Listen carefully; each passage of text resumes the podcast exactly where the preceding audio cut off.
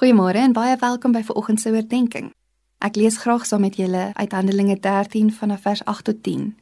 Die towenaar Elemas, soos hy in Grieks genoem is, het egter teëgestaan omdat hy wou verhoed dat die goewerneur in Jesus glo. Maar Saulus, dit is Paulus, vol van die Heilige Gees, het hom skerp aangekyk en gesê: "Duiwelskind, deurtrapte skelm en bedrieger, vyand van alles wat reg is, sal jy ophou om in die pad van die Here te staan." Hierdie gedeelte gee my sommer hoendervleis as ek dink hoe ongelooflik dit is wanneer die Heilige Gees deur 'n mens werk.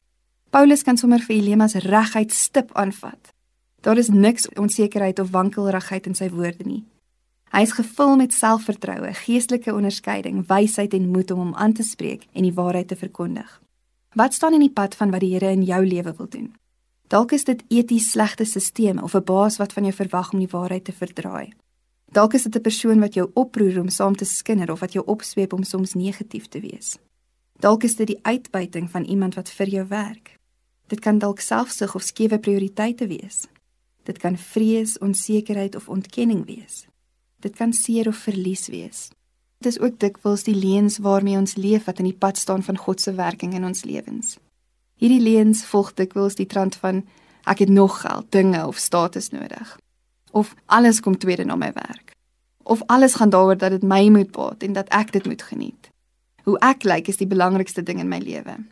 Ek moet my waarde heg aan hoeveel mense van my hou.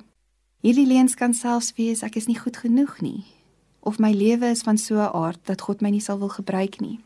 In hierdie gedeelte van Paulus se bediening kry ons die uitnodiging om toe te laat dat die Heilige Gees deur ons werk en vir ons uitwys wat dit in ons lewens is wat in die pad staan van God se werking.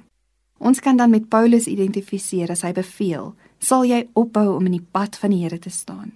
Dis nie 'n versoek nie, 'n bevel wat die autoriteit van die almagtige God dra. Prakties vra dit dat ons gereeld reflekteer in God se teenwoordigheid. Dis amper asof ons vir die Heilige Gees dan vra om in elke hoekie en draaitjie van ons wesens lig te skyn, dat ons kan raak sien wat dit is wat ons terughou om volledig die wonderlike lewe wat God vir ons uitlê te leef.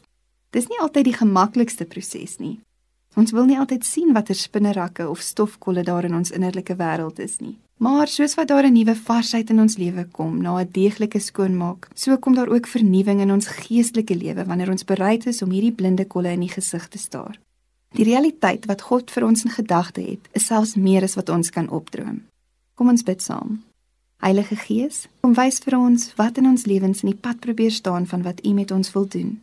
Help ons om dit te verdryf en voluit sonder hindernisse die lewe saam met U te leef. Amen.